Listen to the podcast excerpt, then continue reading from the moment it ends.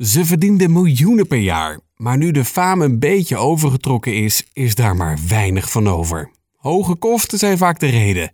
Deze celebs hebben weinig meer over.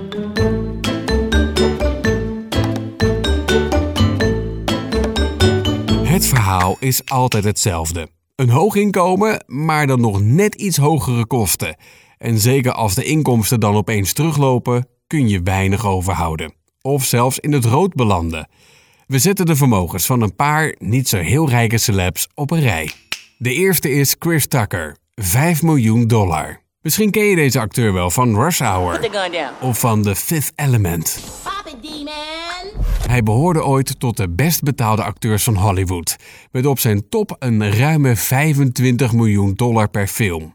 Hij bouwde aan de andere kant flinke schulden op, bijvoorbeeld bij de Belastingdienst, en moest uiteindelijk zelfs gedwongen zijn huis verkopen.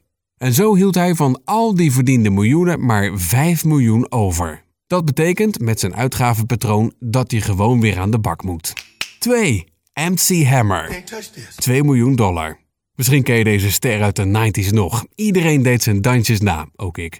En hij verdiende daar zo'n 25 miljoen dollar mee. En wat doe je daarmee? Nou, hij liet bij zijn huis een garage voor 17 auto's bouwen en had 200 man aan het werk in zijn megavilla. De inkomsten, ja, die liepen terug en zijn uitgaven waren wel heel erg hoog. En zo blijft er van zo'n enorm vermogen al snel nog maar 2 miljoen dollar over. Lindsay Lohan, anderhalf miljoen dollar. Drugs, drank en niet op de set verschijnen doet weinig voor je carrière als actrice. En dat merkte Lindsay Lohan ook. Haar complete spaarsaldo werd in 2012 in beslag genomen door de Belastingdienst, waardoor ze in totaal nog maar 8 ton aan vermogen had. Dat was even terugschakelen qua shopgedrag. Ze heeft intussen al wat bij kunnen verdienen, maar zo hard als toen gaat het echt niet meer. How many times have you been in rehab? Several. 4. De laatste, Aaron Carter. 400.000 dollar. Aaron Carter, de beroemde broer van die Backstreet Boy-lid Nick, die verdiende voor zijn 18e al 200 miljoen dollar. Ook hij wist heel wat platen te verkopen en hij hoefde de opbrengst niet te delen met andere leden, zoals dat wel voor zijn broer gold.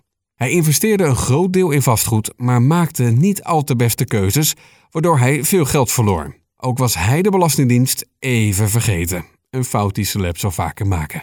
En zo verdampte zo goed als zijn hele vermogen als sneeuw voor de zon. Meer van dit soort verhalen? Check dan porterené.nl.